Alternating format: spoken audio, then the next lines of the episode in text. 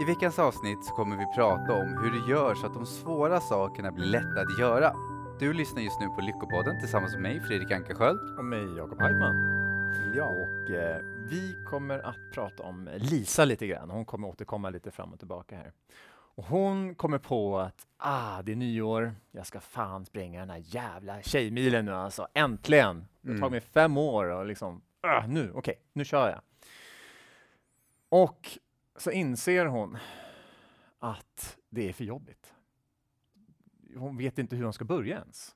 Hon, hon är förvirrad och hon stannar upp och bara Åh nej, måste jag gå ut och springa?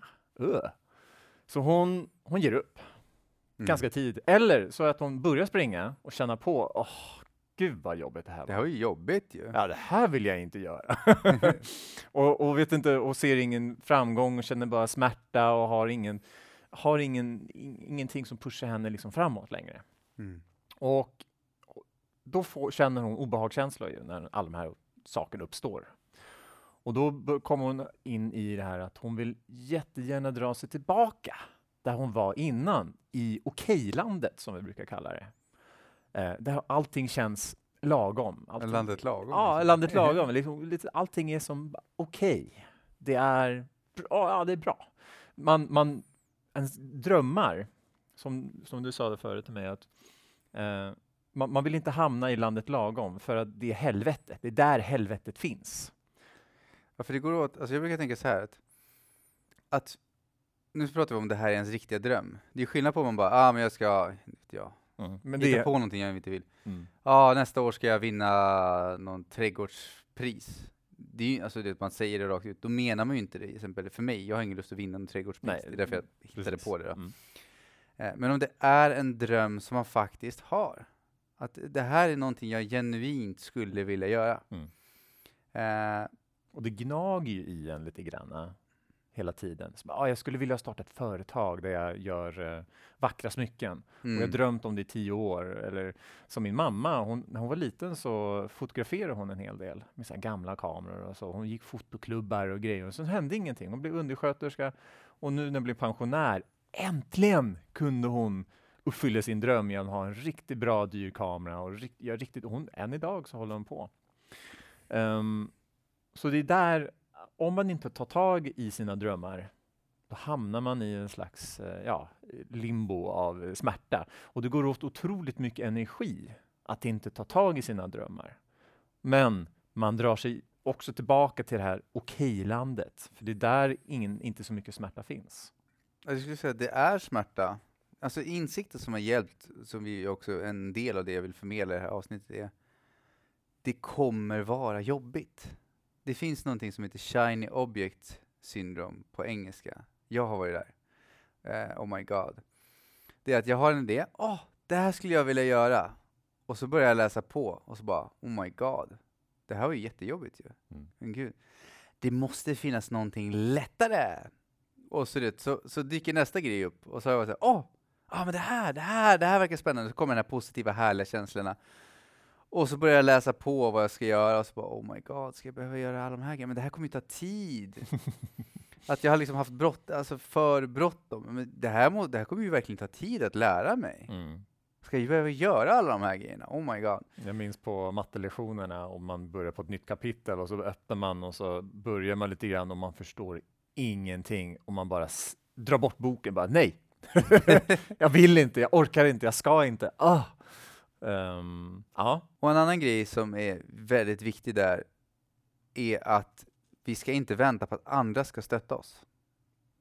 För vad händer om de inte gör det? mm. Ibland så är det att, jag har själv varit en gång, jag tänkte en gång till att ja, men jag, ska, jag ska vara med människor som stöttar mig, som tror på mina drömmar, eh, som agerar med mig och pushar mig. Jag vill ha någon som nästan springer före och leder vägen. Mm. Men med tiden så insåg jag att jag har väntat några år nu. Hände inte så mycket. nej. Men vill du veta en spännande grej som jag upptäckt?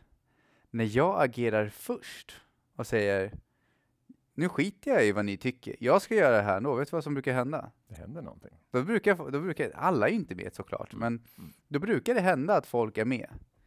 Eh, men att också att låta resultaten tala för sig själv. Mm. Ibland så kan man till och med inte behöva säga det till någon heller. Alltså man berättar inte sina planer. Det är någonting jag upptäckt att man behöver inte berätta om sina planer. Gör grejerna och sen så kan man visa det man har gjort istället. För då riskerar man inte heller människor, "Ah, det där går inte. Arr, arr." Eh, eller vad det kan vara för någonting. Eller att de, de bara är neutrala och man börjar doubt, alltså man börjar eh, tveka på sig själv och lite sådana saker. Mm. Och det vi vill komma fram till här då, vi vill göra om våra vanor till instinkter. Vi vill alltså få, och vad är en instinkt då? Jo, men det är så här, man eh, går eh, ut genom dörren. Man har varit ätit frukost och så går man ut genom dörren och sen så minns man inte, och så har man kommit iväg en bit och, och börjar köra i bilen. Så vänta, låste jag dörren? Och, eller, och stängde jag av spisen? Mm. Det är någonting man har gjort tiotusentals gånger. Man har verkligen tränat på att stänga av spisen eller sätta på spisen och låsa dörren. Oftast brukar det vara låst, men man minns inte om man har gjort det. Det ligger så djupt i en. Och vi vill ju få, att göra, ha vanor räcker alltså inte riktigt. För det är, det är en, en slags, eh, vi vill ju komma åt det absolut lättaste eh, känslan av att göra någonting. Mm. Ehm, till exempel om vi startar företag, då vill man ju ha den här, vill, när man tittar på det i framtiden och bara åh, läsa på Skatteverkets hemsida om hur man håller på med in, influencer skattplanering och Mm. man har ingen aning och det är krångligt och det är förvirrande. Tänk om det här skulle vara som att eh, ja, laga mat eller ännu enklare att när man kör bil och så växlar man. Det är ingenting man tänker på. Eller om man, ja, ja vad, vad det nu kan vara för någonting. Ja, och det som vi går igenom då är... Va, jag har ju vanor. Och jag kommer ihåg förut att jag hade kompisar, jag, kom, jag minns en kompis. Uh, han, jag kommer inte ihåg hur mycket han vägde, men uh, han, ja, han vägde för mycket i alla fall. Han ville gå ner, jag tror, inte, jag tror det var 20 eller 30 kilo, och sånt. Uh, och då gjorde han så här quick fixes, han gick på snabba dieter, soppdieten. Så att han svälte sig själv på soppa. Han var så trött om dagarna, orkade ingenting och vrålhungrig. Och, liksom, och det jag menar på att om du kollar på, är det en vana en person kan hålla tills det blir en instinkt? Det är en bra fråga man kan ställa sig själv. Och då är det så här, nja, med en stor sannolikhet inte. Mm. Och det som blev för honom var ju att du klarar ju bara att hålla ut ett tag, till slut så blir det ju för mycket. Så, så återgick han till det som var innan, och det han hade förlorat fick han tillbaka. Mm. Och sen så höll han på med nästa grej. Och nästa grej. Och det är ju extremt jobbigt, speciellt om du liksom verkligen har den här målvikten du vill ha. Och, men när han började räkna istället så här, okej, om det här ska hålla över sikt, det här ska bli en livsstil. Alltså se mer, när du vill uppnå dina mål, se dem mer som en livsstil än någon temporär grej. Mm. Nej, men det som jag, eh, jag insåg ju också att när jag förändrade min kost till växtbaserad kost, det är inte alla som äter det. Och större delen av mitt liv har faktiskt bestått av att äta vanlig mat. Och när jag insåg att, ja okej, detta måste jag göra om till en livsstil. Och idag är det, jag har gjort det 10 000 gånger nu, olika recept på växtbaserad kost. Så när jag går in i köket, då tänker jag inte, hmm, vad ska jag ta fram här och vad ska jag göra ditta? Utan jag bara börjar. Mm. Det är som en, jag bara gör. Och det är lite det vi vill komma åt. Vi vill inte att ni ska, man ska tänka. Då blir det en väldigt stor ansträngning av det. Så Mm. till exempel att titta på um, basketspelare eller, eller ja, de som eh, boxas. Och Mike Tyson. Ja, och, och kommer en knytnäve, då ska man inte börja analysera och tänka, hmm, Alltså man, kommer man till ringen otränad och säger nu ska jag slåss mot Mike Tyson här. Helt otränad, Mm. ställer sig och man ser hur handen kommer mot den, knytnäven liksom. Och så bara hmm, jag ser att den kommer mot mig här. Ja, ska jag böja mig? Alltså, du är knockad för länge sedan. Ja. Du, du kan inte ha, eh, då kallar man det stimulus respons. mm. Du ser att, alltså du, du triggas av någonting och du reagerar på något sätt. Mm. Det vill säga, du behöver inte medvetet tänka på att du ska göra det. Riktigt som när du går in i köket. När du har, jag kommer för, ihåg förut också, jag vill lägga till det här med recept, det var ett väldigt bra tillägg. Jag har inte ens tänkt på det, vad det Mm. kosten, men jag åt ju väldigt onyttigt en gång i tiden. Och då var det likadant, så var det att ah, i början när jag ville byta så var det så att det finns ingenting att äta. Du vet, min hjärna hade ingen det var, jag fick ju verkligen anstränga mig för att läsa på. Och istället för att man ska förändra allt så tog jag, okej, den här råvaran brukar jag äta som är onyttig. Hur kan jag byta ut den mot någonting som är nyttigare? Och då betyder det inte att den var jätteonyttig i sig, men vi gör som ett exempel, jag åt väldigt mycket pasta. Idag äter jag glutenfritt, men då var det mer så okej, okej, jag vill minska på det, mjölprodukter. Vad kan jag äta istället? Okej, jag kan äta zucchinipasta, jag kan riva vitkål, jag kan göra olika saker. Så att man byter ut en gradvis och försöker hitta, okej, hur kan jag krydda den? Men det är ju extremt ansträngande i början. Jag måste ju sitta och re- alltså ska jag ens ställa mig i köket måste jag sitta och researcha i tre timmar för att veta vad jag ska äta liksom. Mm. Ehm, Och även om det blivit en vana så är det på ett eller annat sätt ansträngande. mm, Och hur gör man det ännu enklare då? Jo, det är ju att, till exempel Mike Tyson då, om jag kommer dit, jag måste ju träna. Jag måste ju träna tiotusentals timmar för att komma upp i hans nivå då. Eh, väldigt ofta, väldigt intensivt. Eh, och det är genom träningen vi skapar de här instinkterna. mm. Yes. Och det som är då är ju att, vi har ju nämnt, har haft ett annat program innan där vi pratade om att du behöver inte så mycket tid. Och det är det som jag menar på att det är bara första tiden som är på, som värst. Alltså det är precis som, när, jag kommer inte ihåg hur många gånger, men när du har lagat samma rätt fem gånger, ja men då är det ju betydligt mycket lättare. Mm. När du har lagat samma rätt tio gånger, ja men alltså till slut så behöver du inte ens receptet längre. Mm. Mm. Så det, vad vi syftar på också, att det, den här tröskeln går ganska fort att komma över.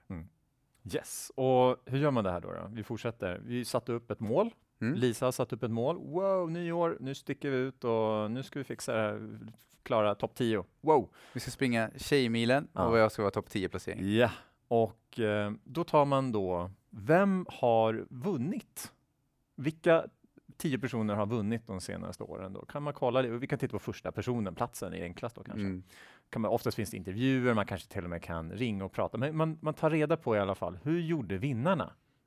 Så man verkligen tar reda på det. Eh, och då har man, eh, då tar man reda på det och så gör man reverse engineering. Mm. Man modellerar någon, eller nå- något, Och modellerar är egentligen inte att man kopierar, utan man tittar på vad är det de gör som funkar Mm. och hur kan jag få det att funka för mig? Precis, och då reverse engineerar man, går man baklänges. Man tar reda på till exempel då, hur tänker hon? Eller de, ja hon då, eftersom det är Tjejmilen. Eh, hur känner de? Oftast kan det ju vara väldigt positivt om Mm. olika saker. Eh, och hur äter de? Hur tränar de? Eh, de kan ju ibland träna två gånger om dagen eller tre gånger om dagen. Mm. Eh, ta reda på vad är det för någonting de gör idag för att vinna. Eh, har personen PT? Eh, använder de NLP? Eh, neuroli- neurolinguistic? Eh. Neurolingvistisk programmering. Just det. Eh, och för de som inte vet vad det är egentligen, det, vi kan med ord och bilder kommunicera med oss själva och med andra som kan påverka oss negativt och positivt. Och inom NLP så är det ett hjälpmedel för att hjälpa oss att nå det vi vill, både mentalt och fysiskt. Mm. Alltså Ja, framförallt mentalt för att kunna påverka det fysiska också. Precis, och där kan man använda olika tekniker. Och till exempel använder man visualiseringar. Står hon framför spegeln? Ställa sådana frågor kanske direkt till henne eller kolla intervjuerna vad som, vad som Men det de var ju någon som vi följde som, han vann OS, jag kommer inte ihåg vilket år. Han stod ju två år innan framför spegeln varje dag och bara ”Jag är vinnaren, jag kommer ta det här, jag är bäst!” Mm. liksom. Mm. Och då berättade, jag tror det var hans farmor, eller var det mormor som hade bara ”Du...” för hon hade hört honom stå där. han var ju relativt ung då. Ja. Eh, och bara ”Alltså det här med att vinna OS, det är nog inte vår grej”. Mm. Han hade bara ”Fast farmor, vi ska inte vinna OS, det är jag som ska göra så du kan ta det lugnt”. Och eh, du hade en grej om Sturebadet där. Ja, alltså, ja men vi gör som ett exempel. Då. En gång i tiden när jag började träna så hade jag som mål att jag skulle börja träna på Sturebadet. Och på den tiden hade inte så jag egentligen råd från början att göra det. Men då satte jag upp som mål att jag ska börja träna där. Men då tog jag reda på, okej, men och det roliga var på den här tiden, jag gick inte upp förrän klockan nio på morgonen. Det var liksom, Mm. jag tyckte det var sjuk i huvudet om du gick upp tidigare. Alltså jag, jag förstod inte hur är det fysiskt möjligt att gå upp tidigare på morgonen. Då gjorde jag det egentligen så att jag började titta på, då satt jag där på frukosten, de har en frukost då, så frågade någon, en annan medlem som satt där, ja men vilken tid är den bästa att vara här? När, när brukar du vara här? Vilken tid på morgonen? Mm. Och då fick jag reda på att, ja okej, ja men eh, morgonpasset börjar klockan sju. Så det bästa är att du är här halv sju och Mm. är, byter om, för då öppnar de dörrarna. Mm. Eh, Sen brukar det vara en timme ungefär träning och sen efter det så käkar man frukost. Då är Mm. man redo för dagen. Mm. Nice. Och då kan du tänka dig att jag ska vara om på gymmet halv sju och jag brukar inte gå upp förrän klockan nio. eh, så men jag hade ändå bestämt mig, men jag vill verkligen det här. Mm. Så då började jag titta på, okej, men när, då behöver, började jag räkna ut, när behöver jag gå och lägga mig? Och för att gå, behöva gå, kunna gå och lägga mig rimligt sent, sent eller rätt fel, men för att kunna gå och lägga mig bra tid, vad kan jag förbereda dagen innan? Så att det är klart. Så därför såg jag ju till att allt som jag behövde var packat och klart dagen innan. Så att när jag vaknade på morgonen behövde inte jag tänka. Jag bara gick upp, tog grejerna jag behövde och kunde gå ut genom dörren. Jag behövde liksom inte Mm. som vi pratade om, tänk, jag behövde inte ha någon tankeverksamhet. Mm. Eh, och det roliga är att jag lyckades. Och då tänkte jag, lite träning är bättre än ingen träning. Så i början, bara att jag gick dit var ett pris. Mm. Jag brukade ju alltid packa, sätta på mig kläderna ovanpå mina eh, vanliga kläder. Eller Mm. un, under mina vanliga kläder. Ehm, och sen så hade jag allting färdigt. Så jag behövde inte ens byta om. Eller om jag behövde byta om så var allting färdigpackat i väskan. Det är ju ett jättebra recept för att komma iväg till gymmet. Det är att börja i den här nya vanan i alla fall och ställa den i vägen. Mm. Uh, så bara, ah, just det, jag skulle till gymmet. Ja, ah, men okej, då får jag gå då. Mm. Och det som var roligt med det här tillägget var ju att från början hade inte ens jag råd att bli medlem. Eh, men jag började ändra mina kvällsrutiner, mina dagsrutiner, som om jag skulle bli medlem innan jag hade råd. Mm. Det var det som var... Och det roliga var att det tog väldigt kort tid, så stod jag där ombytt och klar och var, hade medlemskapet. Mm. Och man får ju också titta på, det, det, att man tittar på den här vinnaren. Okej, hon tränar sex timmar per dag. Hon äter extrem kost bara för att vara optimal. Hon, eh, hon är så strikt om allting. Hon har tre PT eller någonting sånt där. Okej, jag kan inte göra det idag. Mm. Kan man, man inser, okej. Men jag, man kan jämföra det som att när man är barn eh, och så ser man sin pappa köra bil och man är pojke då och så, så bara, oh, okej, jag kan inte köra bil. Men det han kan ta är en rund sak och, och vrida på den och säga brum, brum, brum. Så man utgår alltid från vad kan jag börja idag? Och det är därför reverse engineering, engineering är så bra. Så vad skulle man kunna ta för steg baklänges Mm. och börja där jag är idag? Så att man i alla fall kommer någonstans. Och då vet man vilka steg det är sen för att kunna nå den här stora rutinen, eh, instinkten som man sen kommer få genom, genom träning. Och då kommer en del av det hela med reverse engineering att titta på vilka är de viktigaste nycklarna. För som, om du har som ett för, mm, låt säga att du vill starta företag. Okej, vilka är de vanligaste instinkterna jag vill ha att göra varje dag? Okej, men då är det ju förmodligen intäktsskapande agerande. Mm. Saker som leder till försäljning. För har du inte försäljning över lång tid så ja, blir det inte så bra. Och det kan ju vara att du ska ringa samtal, det ska vara att du jobba, ska jobba med PR, med marknadsföring, för du behöver inte, alla företag behöver inte ringa kalla samtal, liksom, Mm. eller varma heller för den. För det kan vara digital marknadsföring, men att du har varje dag som instinkt att göra åtgärder som leder till inkomster i ditt företag. Mm. Är det kosten? Okej, vad är det jag behöver äta? Och se till att de viktigaste komponenterna är på plats. Mm. Och eh, det här är en, en, eh, liten eh, struktur som vi har inspirerats av Sam, Sam Ovens. Mm. Och han berättade det att när han började liksom ringa runt med sitt företag och försökte, han var introvert och han var inte så bra på, på det där och han hade, han hade ingen aning liksom. Men han, han gjorde det. Han gjorde det första samtalet och så fick han gå och lägga sig. Han fick liksom vila. Alltså, tre timmar gick han och Ja. han var slut efter sitt första samtal. Ja, liksom, ett litet samtal och han var helt slut efter det för det var så otroligt ansträngande. Men nästa gång han gjorde det, då var det lite, lite lättare. Och nästa, ett tredje samtal var lite lättare och tionde samtalen sen var det lite enklare. Och, och, och det är det. Det är lite jobbigt i början. Eller det kan vara jättemycket som det Mm. var tre timmars vila. Och ta dig tid att vila och se till. Det var ju också en, en sportatlet som ville optimera sin träning också. Eh, och vi kommer komma till det. Men han, han såg ju till att han till och med sov på dagen med powernaps. Två powernaps. Han kunde få in tre stycken träningspass. Hur kunde jag optimera mig själv så mycket som det bara går?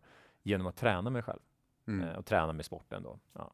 Och nu, då var det, pratade vi också att, han gick upp, han, så här, för att hur hinner jag med fler träningspass än andra? Jag Mm. delar upp min sömn. Mm. Det var hans grej. Så han gick upp fyra på morgonen och körde första tre på morgonen och körde första träningspasset. Mm. Nu pratar vi en extrem elit- elitidrottare som vill vinna flera OS-guld. Och det viktiga med det här är hela att titta på vad är ditt mål? Ditt mål kanske inte är att bli vinna OS, Mm. men något annat mål har du. Mm. Och när du undersöker det så kanske du kan inse att i början kanske är så här, oh my god. Och det var det här shiny object som jag insåg. Åh herregud, ska jag behöva lära mig alla de här grejerna? Mm. Och så blir det istället att jag, jag bara, ah, nej, det, det, det låter för jobbigt. Och så gjorde jag något annat.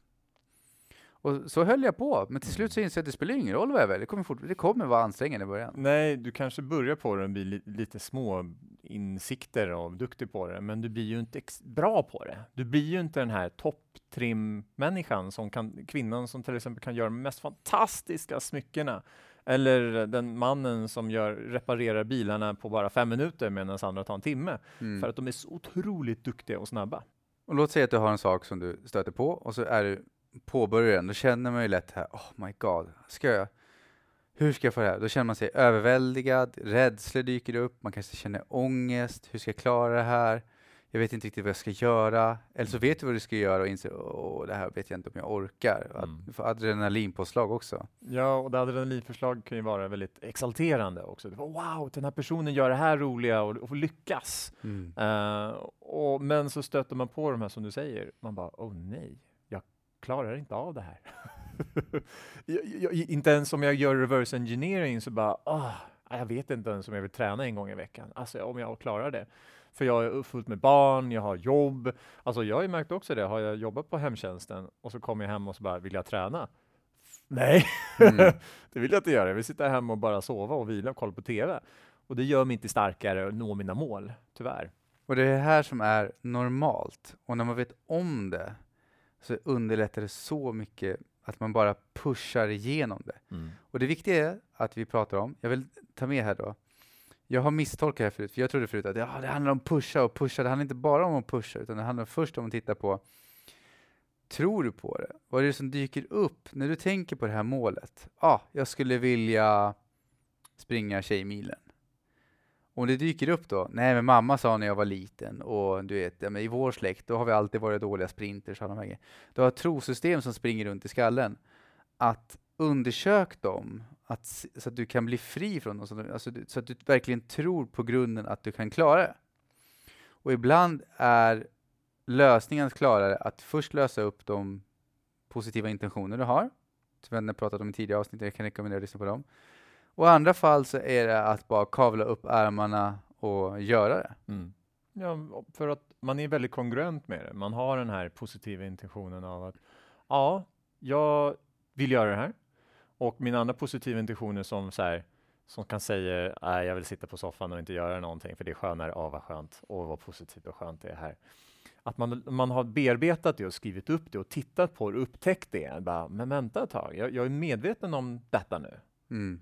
Jag är väldigt kongruent med att faktiskt springa Tjejmilen här nu. Och när jag väl ligger där i soffan och faktiskt är medveten om att man gör det, då blir det så här, "Nej, jag reser mig upp. Man kan i alla fall sätta på sig träningskläderna och gå runt lite och laga mat och då kanske jag går ut och springer. Men så att man gör så här, man är medveten om vad man håller på med Mm. och pusha igenom. Och det är den, här, det är, det är den svåraste biten, att göra det. Men minns oss, tänk på oss, mig och Fredrik, när vi berättar för er. Och du, du är i den svåra situationen där du velar mellan att gå ut och springa eller att du vill sitta hem och äta chips. Mm. Tänk på oss. Och tänk på att fasiken, de sa ju faktiskt att man, ska, man kan faktiskt pusha igenom. Och jag är medveten nu om att för det är som, man är, har man gått och satt sig på soffan 10 000 gånger, då är det den mest fantastiska vanan, instinkten Jag tänker man har. den här nervbanorna i hjärnan. Nej, det heter inte hjär- nervbanor. Det heter det? Ja. De som går i hjärnan. Ja, ja. De är ingrodda. Så Mm. du har ju, det är ju som att, jag vet människor ibland som, eh, jag har jobbat med ekonomi, eh, som kommer dit och säger så här, ah, nej men du vet, jag har spenderat 20 år på med tankemönster och beteenden kring min ekonomi som gjort att den blivit dålig. Kan ni fixa det här på tre veckor? Mm. Och jag måste säga, ja, det, det går, men det är mer så här one hit wonders. Mm. Men istället, liksom, alltså, du kommer kräva arbete från sin, alltså personens sida. Mm. Jag minns ju när jag första gången skulle köra kör upp och trä, ja, tränar på att köra bil med min körtränare. Och um, bil, vad heter det? jag minns inte vad de heter. Körskolelärare? Körskollärare, tack. Och jag bara, ja, men det här är inget problem. Det här blir säkert en eh, balans, att bara köra på liksom. Det är ingen fara. Mm. Och fy fasiken vad stressigt. Och det var en skylt där och det var en bil framför mig där och så är det massa gående människor som går över gatan mitt framför mig och så måste jag stanna till och sen så ska jag bromsa här och trycka där och så ja, koppla där och hit och dit. Kopplingen för fan, hur fungerar den? Och jag kan inte starta bilen när jag har tvåan i, jag måste ha sättan i ettan. Och så mycket tankar och så mycket stress över att försöka lära sig någonting nytt. Mm. Eh, Som tur var så hade jag ju en körskollärare där som pushade mig och inte ge upp bara och stanna i vägkanten och bara Ehm, Så vi, vi körde på. Och där är det så här, vikten av att om du känner att ah, det här är för mycket, så kan man ju alltid anlita en mentor. Mm. Och en mentor kan ju komma i flera olika former. Du kan ha mentor, du kan ha coach, men någon som hjälper på vägen. Och det är olika grad. Alltså, jag skulle rekommendera att använda flera grader. Grad, jag vet inte vad man ska kalla det. Ena är att göra självstudier på online. Det finns onlinekurser som du kan göra. Men det är samtidigt så att du får egen kunskap också. Men låt säga att någon vill bli vältränad. Ja, men anlita en personlig tränare då. Och om vi verkligen vill någonting så kan vi spara in på andra saker eller hitta sätt att tjäna mer pengar eller för att få in det, den ekonomin som behövs för det. Mm. Och tänk så här också. 20 gånger med personlig tränare, eller 10. Ta 10 gånger. Mm.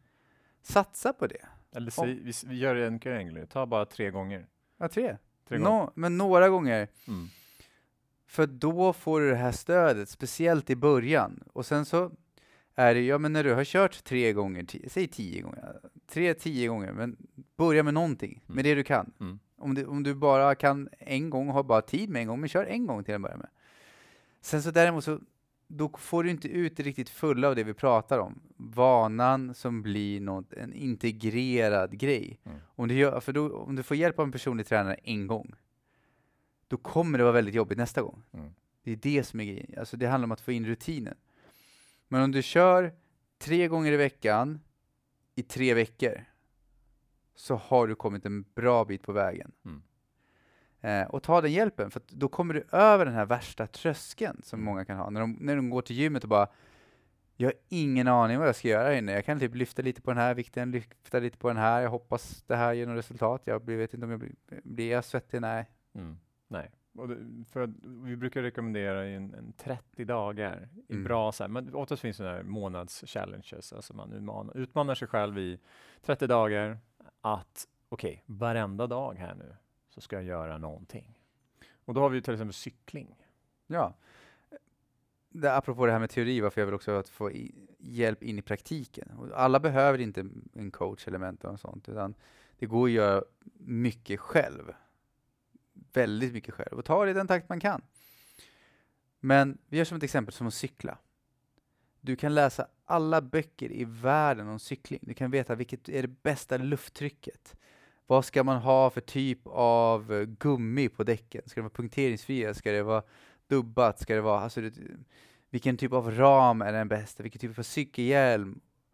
Men första gången du hoppar upp på en cykel i ditt liv så kommer du ha problem att balansera. Du kommer förmodligen trilla och det kommer vara enormt energikrävande. Mm. Och även med en mentor som är kanske föräldern då. Ja, du kan ha ja. stödhjul till och med, det kommer fortfarande vara ansträngande. Precis, men mentorn kan säga hej, tänk på att vrida lite grann extra snabbt eller liksom tänk, ja, tänk på att sikt, titta någonstans eller någonting. Ibland brukar det finnas sådana, vad heter det, som går upp från cykeln som man kan ja, hålla En i. liten pinne liksom. En pinne Ja. som föräldern kan hålla i så att det, det blir lätt att balansera. Så Mm. att, Och du har ju, och det, här med pusha igenom också, du har ju hoppat bungee jump också. mm. Det är ett jättebra exempel på att faktiskt pusha igenom. Det roliga var att jag satt och skrev upp vad är det läskigaste jag kan tänka mig att göra. Mm. Av alla grejer, vad gör att min mage typ vrider sig in och ut? och då sa jag så här, det är bungee jump. Och då var det så, åh, då måste jag göra det. Mm. Bara för att träna på att övervinna mina rädslor. Mm. Och det var så kul för att dagen innan vi skulle hoppa bungee jump också satt jag och min kompis och kollade på TV. Och för då var vi i Thailand då, och då visade det sig att någon hade hoppat dagen innan. Alltså hon hade änglavakt, men hon hade så typ extrem otur så att det var liksom helt absurt. Då hade hon hoppat bungee jump, det här var dagen innan vi skulle hoppa, Mm. eller var det två dagar innan? Jag kommer inte ihåg. Och då har repet gått av. Mm. Så hon faller ner i en krokodilflod med fullt med sten. Och, det var, och hon har ju benen ihopbundna Ja, ja. med det här repet. Liksom. Damn. Men hon överlevde. Det var Mm. ju helt absurt att hon lyckades komma upp och liksom, alltså förstår du att du överlever Mm. Att, Krokodiler och stenar och... och bungee jump och alltihopa? Ja. Men vi som satt jag och polaren, vi bara "Åh, det här var ju inte så peppande Nej, liksom. ja. Eh, men sen så gjorde jag det, Mm. dagen, alltså dagen efter det. Och Då har vi ju, eh, bra komma in på positivt tänk tänkande, passar bra. Hur man kan ha lite positivt tänkande i den situationen. Ja, och det som är med positivt tänkande är ju att det är fantastiskt, men om man inte gör någonting så kommer det inte bli någon skillnad. Mm. Det är det som är... Eh, alltså om man bara sitter där och väntar på att det ska hända en. Vad händer om det inte det, kommer någonting? Mm. Sen så tror jag väldigt mycket på att om du bestämmer dig för någonting och öppnar dig upp för det, så är det mycket lättare för dig att vara mottaglig för svaren när de kommer. Mm. Eh, Du kan ha, alltså det vet jag själv, du kan ha två personer som sitter bredvid varandra. De får exakt samma möjlighet. En lyckas, en misslyckas. Och då kan det ju vara för hur de tänker. Mm. Och då är ju egentligen det att vi kommer också till nästa grej som är vilka vanor behöver du för att lyckas? Just att när du modellerar någons framgång som har uppnått det du vill och har de inte uppnått det så skapa en tydlig målbild. Du kan göra det ändå, finns bara andra sätt.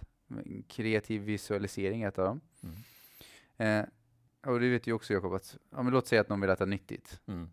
Det räcker ju inte med att bara äta en gång i veckan för att få de här bra, fantastiska resultaten. Så det här är ju en 30 dagars utmaning om man ska göra det till en så nära, ja, en vana. Alltså minimum. Ja, som minimum. Ja.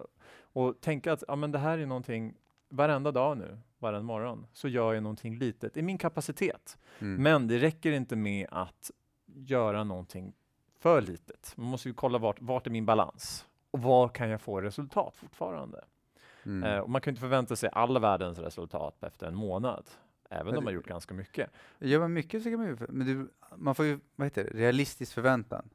Så att man inte bara tar, nej, jag, jag ska äta eh, hamburgare tre gånger i veckan som jag alltid gjort, eller tre gånger om dagen, och pommes frites och skräpmat och pizza och så. Och så byter jag ut eh, vad heter det, osten till eh, så här, eh, halloumi. Mm. Det är ingen skillnad, det är ingen större skillnad. Det är, inte realistiskt. Ja, och jag vet ju en, eh, du vet man har cheat days ibland när man tränar. Alltså idag är det så lätt att, alltså av det jag har lärt mig om kosten hittills, av, eh, jag har lagt ner mycket tid i det, vet jag, du är ju Mm. ännu nördigare än jag är. så är det egentligen så att äter du mer kalorier än du förbrukar så går du upp i vikt. Mm. Och då menar de på så här cheat days, att det finns människor som säger så här, ja, jag ska ha, äta 500 kalorier för lite varje dag. Eh, och gör det under veckan. Och vad är 500 gånger 6? Det är 3000 kalorier. 3000 kalorier. Ja. På sin cheat day, är, för de tänker att det är bara en dag i veckan. Ja, det är en dag jag bara kan spåra ur. Jag behöver inte ha koll. Så då kör jag liksom Pizza Hut och jag kör McDonalds och jag kör glass och alltihopa. Det roliga är att på en dag kan du få i dig mer kalorier än du sparade under hela veckan då. Mm, det finns ju de som... eh, Så att man liksom hittar en balans, att man inte spårar ur på de dagarna man inte... Mm, därför det, det är lätt hänt också när man superbantar så äter man alldeles för lite och sen så på helgen har man två dagar man bara svullar i sig. Eh, och de här som simmar professionellt, de kan ju få i sig alltså 10 000 kalorier och en vanlig intag är ungefär 2000 eller max 3000 ja, för en vanlig person Mm. ehm, som inte tränar stenhårt liksom. Um, vad tänkte jag säga då? Vad ska vi komma på? Precis, då har vi tagit, tagit det. Uh, oh, ja, precis, kan vi ta som entreprenör då? Lite tysta. Och då kan vi titta lite grann också på vad är det för vanor som tar mig i mål? Jo, jag måste fokusera lite grann. Ja, okej, så entreprenör så vill jag ha inkomstbringande aktiviteter. Mm. Alltså vanor. Och sen som sagt instinkter.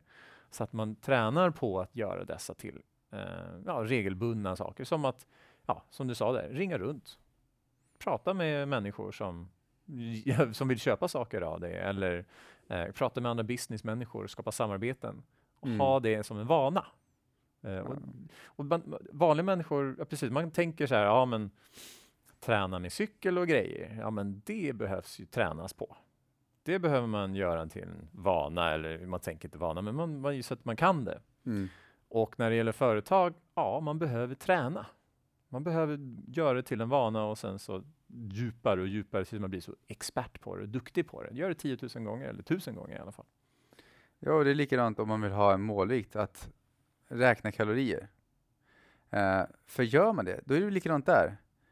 De första två, tre veckorna är det extremt ansträngande, för du måste, du måste läsa innehållsförteckningar och förstå de här grejerna. Mm.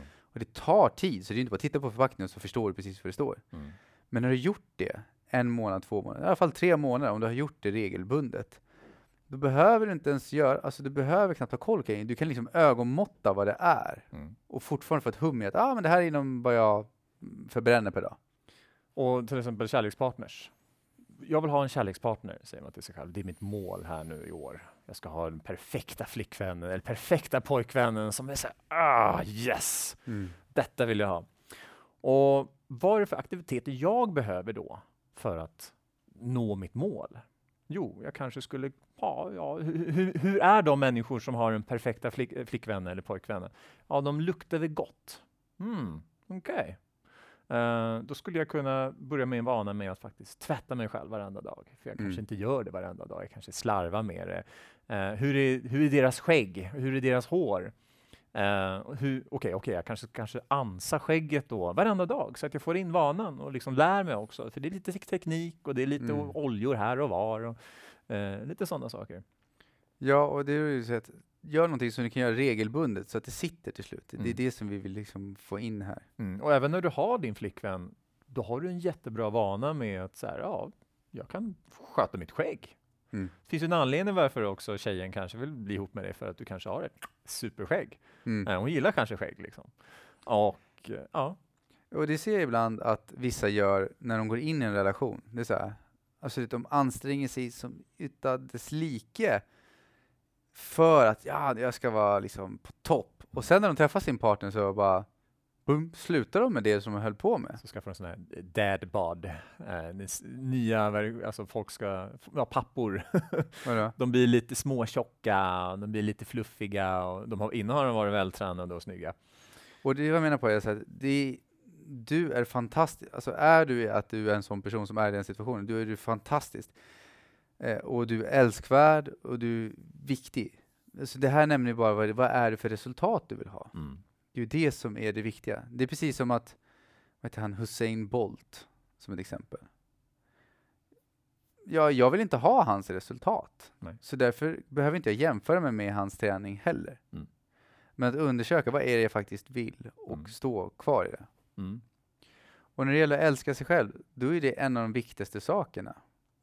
Så att om det är så att, ja ah, men vad skulle jag vilja säga till min partner varje dag som rutin? Ja, varje morgon när jag vaknar skulle jag vilja göra för min partner en kopp te och eh, säga jag älskar dig. Som ett exempel. Mm. Eller en kopp kaffe. Du, på, du kan ju dricka vatten också. Men om du inte har någon partner, vad börjar du då? Ja, men då kan du börja med att säga det till dig själv. Mm. Du kan koka en te eller kopp kaffe till dig, eller dricka vatten Mm. och så säger du jag älskar dig. Mm. Till Ställer- sig själv. ställa sig framför badrumsspegeln eller ha en liten spegel vid tebordet Mm. och säga sig själv, ja, jag älskar dig. Eh, och få in den vanan. För det är ju en fantastisk sak att höra av sin kärlekspartner. Och eh, vissa familjer kanske inte har den vanan när de växer upp, att de säger att de älskar varandra, så de har inte in den vanan. Men ja, och då kanske man blir bättre på det. Jag tänker på ett par. Jag hörde, jag, jag, tror inte, jag, vet inte, jag tror inte om den, jag vet inte om den historien är sann eller inte. Och då har vi det här påhittade paret då. Eh, där frun frågar mannen liksom att älskar inte du mig? Och mannen bara jo, det gör jag. Ja fast du säger det aldrig. Du säger aldrig att du älskar mig. Mm. Och mannen tittar på henne och bara men men jag sa ju det för 30 år sedan när vi gifte oss. det är så här, Alltså som att det är inte så att vi gör det en gång. Det finns vissa grejer vi kan göra i en relation som faktiskt är bra att fortsätta med. Det är inte så att ja, men jag har gjort det några gånger nu, nu har vi gift oss så nu är jag klar. Liksom. Mm. Nej, men det kan fungera också att aldrig säga jag älskar för att man visar det istället. Mm. Man har sådana vanor som är så här, ja, jag kommer blomma och så, så, man, man säger aldrig älskar dig, men vissa har ju den inställningen av att ja, men jag måste höra det orden. Eh, Och då, för de som vill researcha det här mer så finns det en bok som heter Kärlekens olika språk. Ibland heter den Kärlekens fem olika språk. Två olika, det är samma bok i alla fall. Av Gary Chapman. Kan jag varmt rekommendera. För den går igenom att vi har fem olika primära sätt att uttrycka och ta emot kärlek. Mm. Men Mm. nog om det. Yes.